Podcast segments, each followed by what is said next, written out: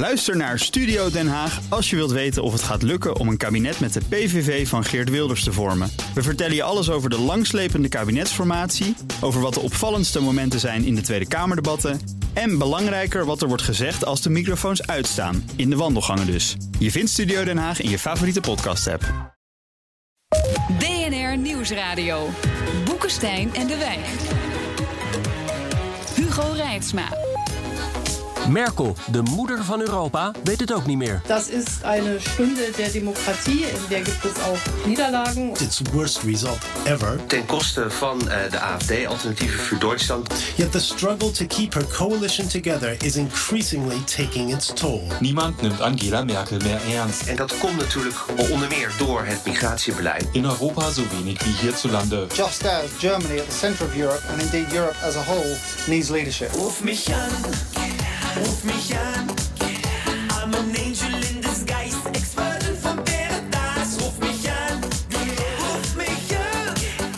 Bij problemen in Europa, roef mich Angela. Maar Merkels middencoalitie is vastgelopen op een moment dat we haar leiderschap moeilijk kunnen missen. In Vrijstaat Beieren wordt volgende week mogelijk haar lot bepaald.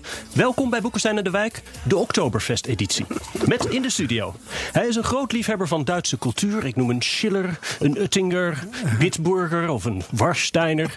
Uh, in dit geval geloof ik, Arend-Jan, een, uh, een Einbecher. Einbecher, Landbier, speciaal. Einbecher, Heimat der guten Bieren. En, en lederhoos heeft hij aan. Ja. Ja. Rob de Wijk is altijd uh, hier voor zijn uh, tendentieus en nodeloos kwetsend commentaar. Ja.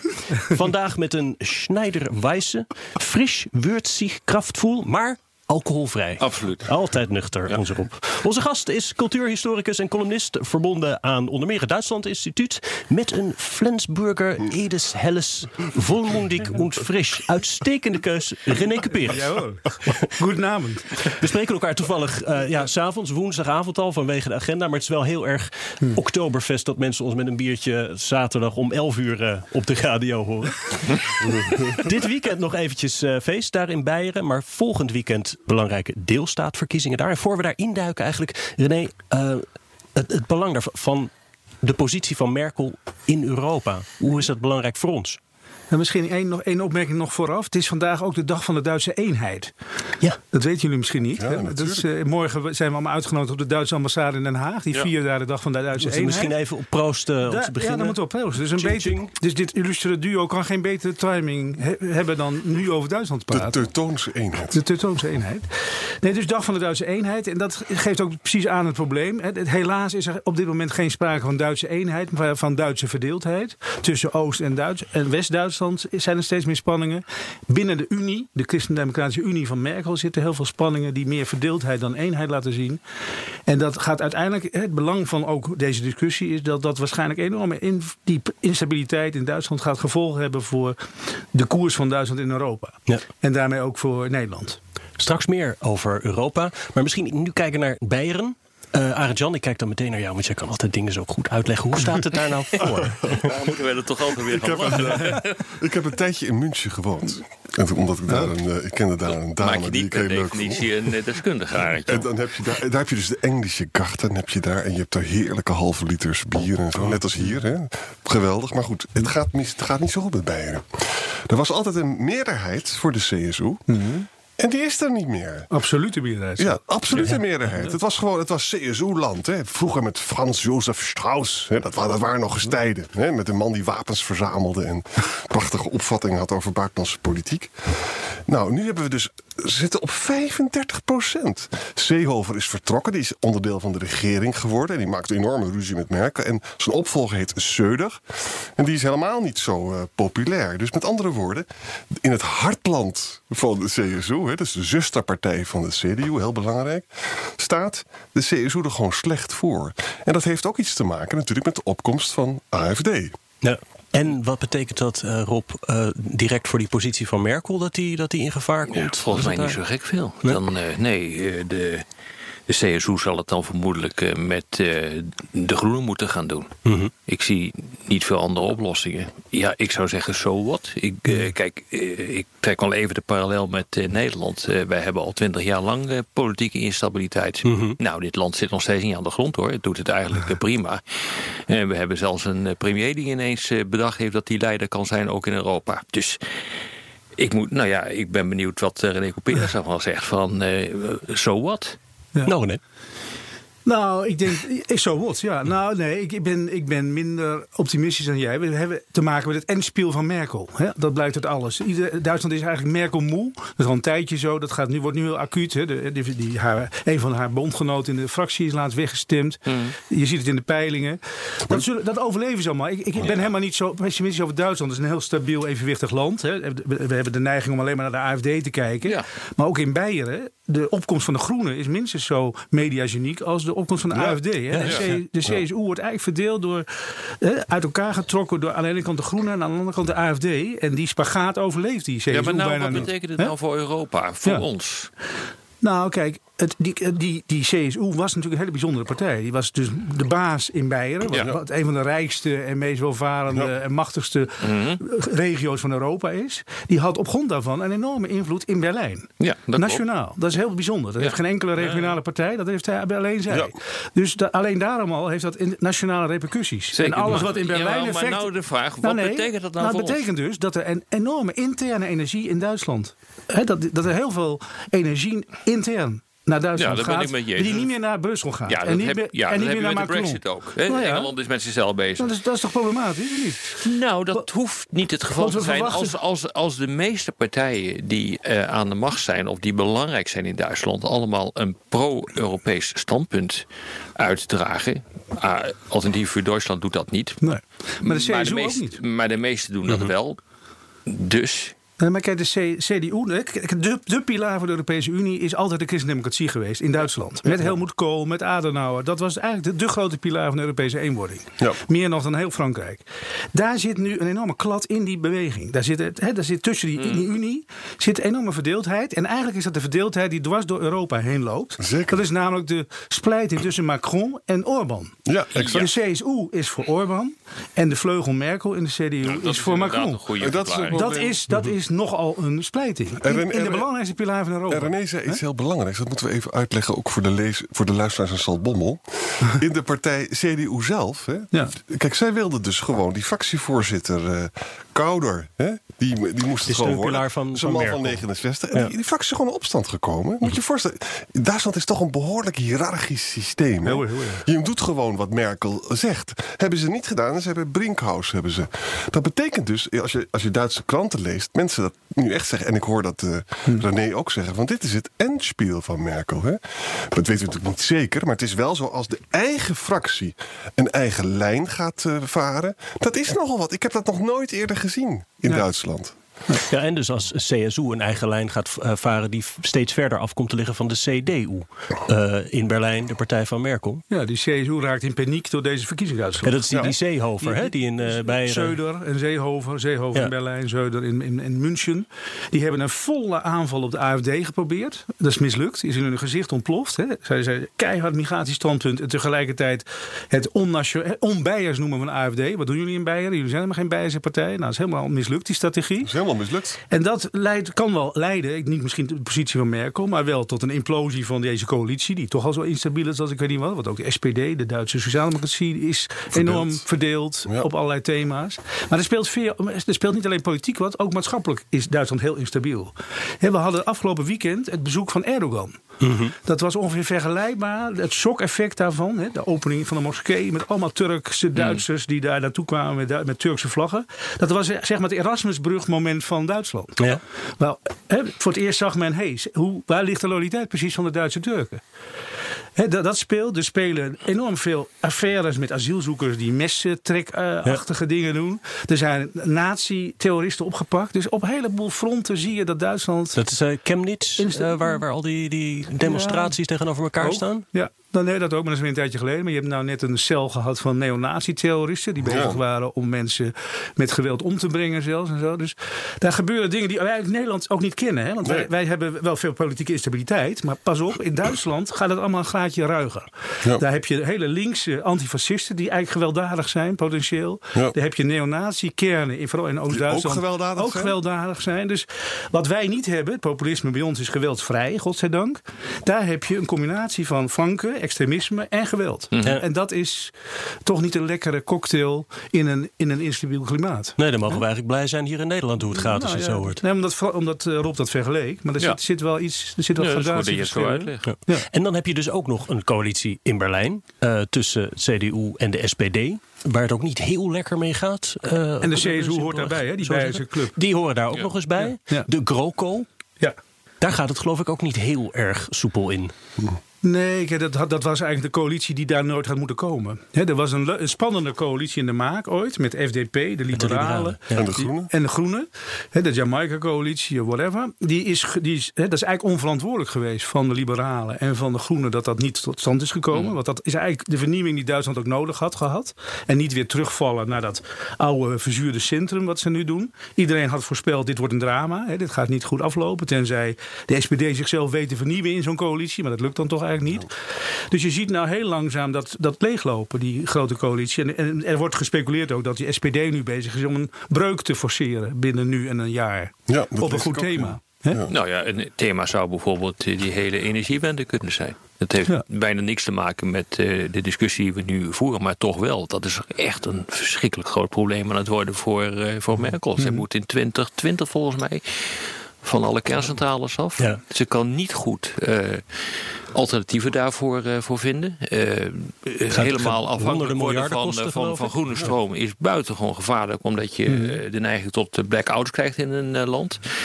Er is nu een enorme discussie over de import van Russisch gas via Nord Stream 2. En dan wordt het echt interessant, omdat nu Trump bovenop Merkel gaat, eh, gaat zitten. Die zegt, ja hoor Dat eens moet je niet voor je zien, hè, dat beeld. Nee, maar die zegt dus nu van eh, wij moeten jullie helpen te verdedigen tegen Rusland. Jullie zijn niet bereid om 2% eh, van je BBP aan defensie te besteden. En tegelijkertijd wil je meer gas gaan importeren uit, eh, uit Rusland. Je vijand. Ik bedoel, waar zijn we mee bezig? En daar heeft Trump absoluut een punt. Maar Merkel moet wel, omdat ze anders gewoon die energietransitie niet voor elkaar kan krijgen. Want uit Groningen komt het niet meer. Uit Denemarken komt het ook niet. LNG in, eh, vanuit de Verenigde Staten, dus vloeibaar gas, is veel te duur. Dus zie hier een geweldig probleem. Dus Strategisch dilemma. een strategisch dilemma. Maar je ziet dus dat, eh, dat Merkel niet alleen maar wordt aangevallen vanuit eigen land, maar ook door Trump. Straks. Nog een biertje? Let op. Ik geef deze. De Duitse stoomfly. BNR Nieuwsradio. Boekenstein en de Wijk. Is er nog een mogelijkheid dat we weer beginnen? Of, eh? Kunnen we weer... eh, Anders lukt het niet meer straks. Ja, Arjan ligt in de hoek. Of dan hoor je mij zo vallen, weet je wel? Valt je ledenhozen af. Stef. Die zak beneden gewoon af. Ja. Oh, geweldig. Oké, Dat is opvallend. Gaat hij weer. BNR Nieuwsradio. Boekenstein en de Wijk. Op zoek naar de nieuwe wereldorde. Dit is Boekenstein en de Wijk. En dat programma is natuurlijk niet zonder Arend-Jan Boekenstein en Rob de Wijk. Onze gast is cultuurhistoricus René Cuperes. En mijn naam is Hugo Reisma. Wij proosten vandaag op het ooit zo saaie, degelijke Duitsland. Dat is waar eenmaal. En de deelstaatsverkiezingen in Beieren, later deze maand trouwens ook in Hessen, zetten de positie van de GroKo in Berlijn, misschien van bondskanselier Merkel wel, onder druk. Arend-Jan, economisch gaat het eigenlijk hartstikke goed met Duitsland. Hoe komt het dat ze daar dan niet wat mee kunnen? Ja, dat is grappig. Hè? Van, het is natuurlijk eh, met al die hartsakkoorden. Het is een hele flexibele economie. De lonen zijn zo laag. Daar schrik je van. Hè? Ik was laatst in Duitsland en ik sprak met een, een benzinepomp. Meneer, die verdiende 600 euro maar. Hè? Dat komt in Nederland niet voor. Ze hebben dus eh, hele lage werkloosheid. Ze hebben net ook een Einwanderungsgesetz aangenomen. Een beetje naar Canadees voorbeeld van als je dus jezelf kan bedruipen. Ze, ze hebben gewoon werk. eh, Voor arbeidsmigratie. Ja. Ja. Het is zelfs zo dat eh, ook een deel van de vluchtelingen daadwerkelijk ook werk vindt. Hè? Het is niet alleen maar kommer en kwal in dat land. Nee, het is heel grappig dat het, het is een politieke crisis, zou je kunnen zeggen, maar het is absoluut geen economische crisis. Booming economie, hè? Ja. Booming economie. Ja. Rob, eh, we, begonnen in het begin ook al, al een beetje zo uit te waaieren van Beieren naar Duitsland en naar de rest van Europa. Die positie van de middenpartijen die zich zo aan elkaar vasthouden, de opkomende flanken, dat zie je natuurlijk overal. Dat zie je overal. We hebben natuurlijk net eh, de Zweedse verkiezingen gehad. Daar probeert ze man eh, moedig eh, een, eh, een coalitie te vormen. De, laatste is weer eens gevallen. En daar heb je die opkomst van die Zweden-democraten. En die hebben een gigantische overwinning geboekt. En het gevolg daarvan is dat, laten we zeggen, de grote middenpartijen geen meerderheid meer kunnen vormen. Dus je zit met een gigantisch probleem.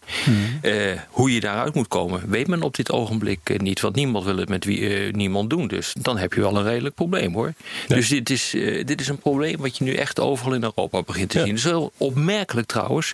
Eh, nou, economisch gaat het inderdaad niet zo slecht.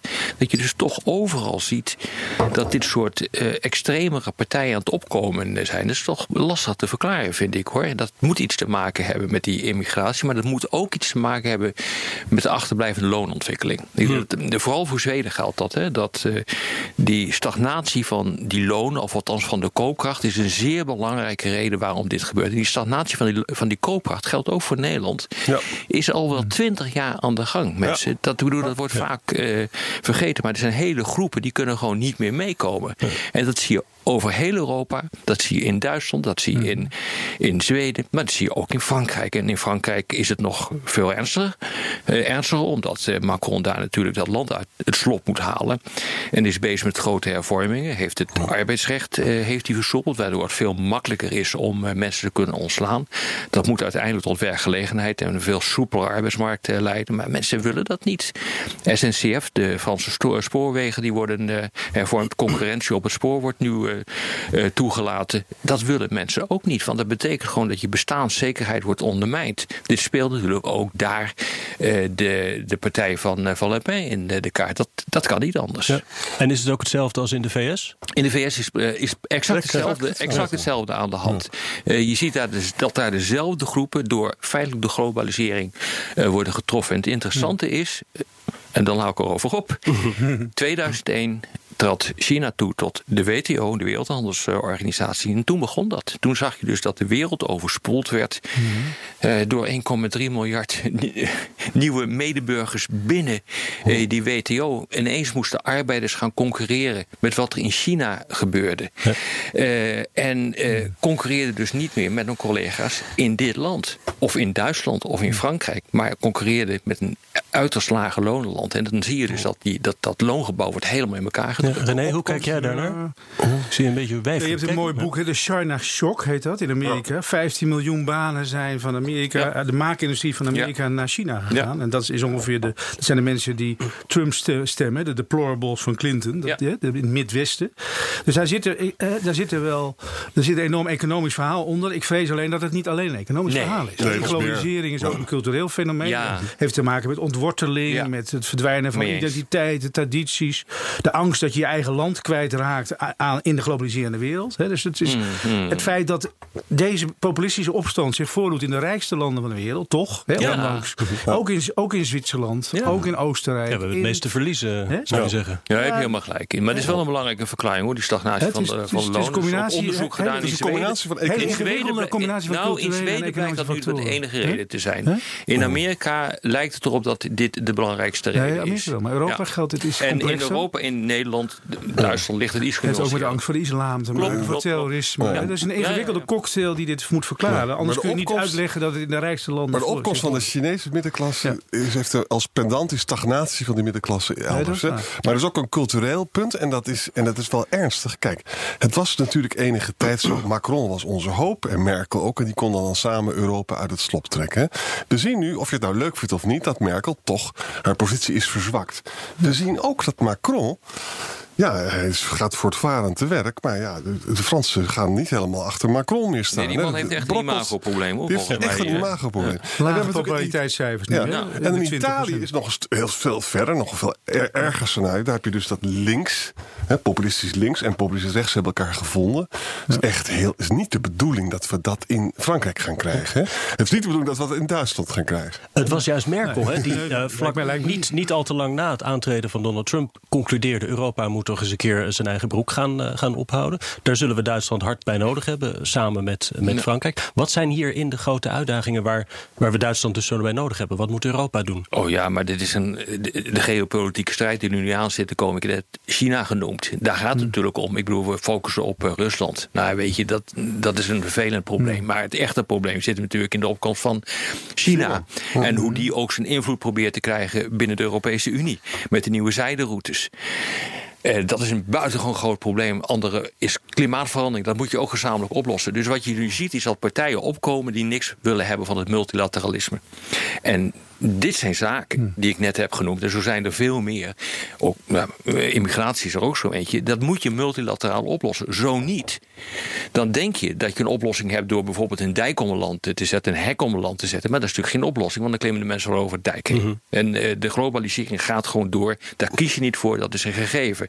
Nee, je zit hier met een fundamenteel probleem. En als Europa niet in staat is om bijeen te blijven, een leiderschap te gaan tonen, dan hebben we echt een, eh, een, een redelijke uitdaging, hoor, het maar even zo te zeggen. Dan worden we overlopen door de superpowers. Ja, absoluut. hè? Ja. Dan wordt een speelbal. En, de- en het lullig is, daar is Duitsland key voor, cruciaal voor. Ja. Dus de Duitse kracht, Exact. de Duitse handelingsvermogen is cruciaal voor wat er bewegen kan in Europa. Omdat daar, Frankrijk is toch niet de grootste sterke actor die je daarbij nodig hebt.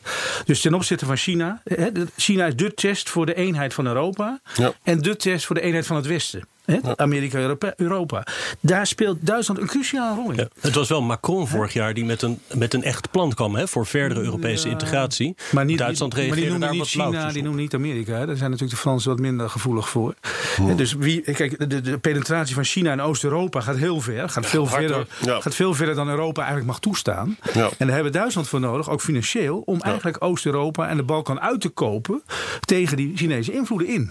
Als Duitsland in een populistisch vaarwater terechtkomt en naar binnen gekeerd raakt, Dan kun je dat allemaal een vergeten. enorm probleem. Dan wordt Europa niet een global player die je eigenlijk nodig hebt in deze geopolitieke veranderende situatie. Maar, maar daarvoor heb je dus industrieel beleid nodig. En het bepaalde investeringen van China moet je dus gewoon nee tegen zeggen. Dat gebeurt nu op nationaal niveau wel. In Engeland, ook wel in Duitsland. Maar dat zou Europees moeten gebeuren. Ja. En, eh, en het grappige is, kijk, Macron is natuurlijk een etatistisch denker. Die is natuurlijk wel bereid om over, over strategische begrijpt dit wel, hoor. Die begrijpt dit wel. Ja. Maar het, het moet wel gaan gebeuren. En wat ik dus bezorgwekkend vind, is dat Macron zwakker staat nationaal. En Merkel ook. Je ziet een beetje iets wat ook bij Trump aan de hand is. Want Trump heeft zoveel schandalen, zoveel ellende. Die heeft ook niet zo verschrikkelijk veel energie. Maar Jan, wat ik nou niet begrijp, hè, is eh, waarom Europese leiders niet in staat zijn om deze boodschap Ja. gewoon überhaupt ook maar te formuleren en uit te dragen. Hoe kan dat nou? Macron heeft er wel iets over gezegd. Oh, hier kapte ik per ongeluk Rob de Wijk af. Sorry Rob. Daarmee was dit weer Boekenstein en de Wijk. Wij missen het Duitse leiderschap, maar gelukkig hebben we het bier nog. Namens Arjan Boekenstein en Rob de Wijk zeg ik dank voor het luisteren. Speciale dank aan René Cuperus. Boekenstein en de Wijk is elke zaterdag om 11 uur op de radio, maar wanneer u maar wil online, abonneert u zich op de podcast via iTunes, Spotify of de BNR-app. En op de podcast kunt u ook reageren. Eindigen wij met een welgemeend Roef mich Angela. Tot volgende week. Ruf mich an. I'm an angel in disguise, Expertin von Paradise. Ruf mich an, ruf mich an. I can take you to heaven when I count to eleven. Wir schaffen das. BNR ben je altijd als eerste op de hoogte van het laatste nieuws. Luister dagelijks live via internet. Bas van Werven. En heel langzaam komt de zon op rond dit tijdstip. Je krijgt inzicht in de dag die komt op BNR, het Binnenhof in Nederland en de rest van de wereld. De Ochtendspits. Voor de beste start van je werkdag. Blijf scherp en mis niets.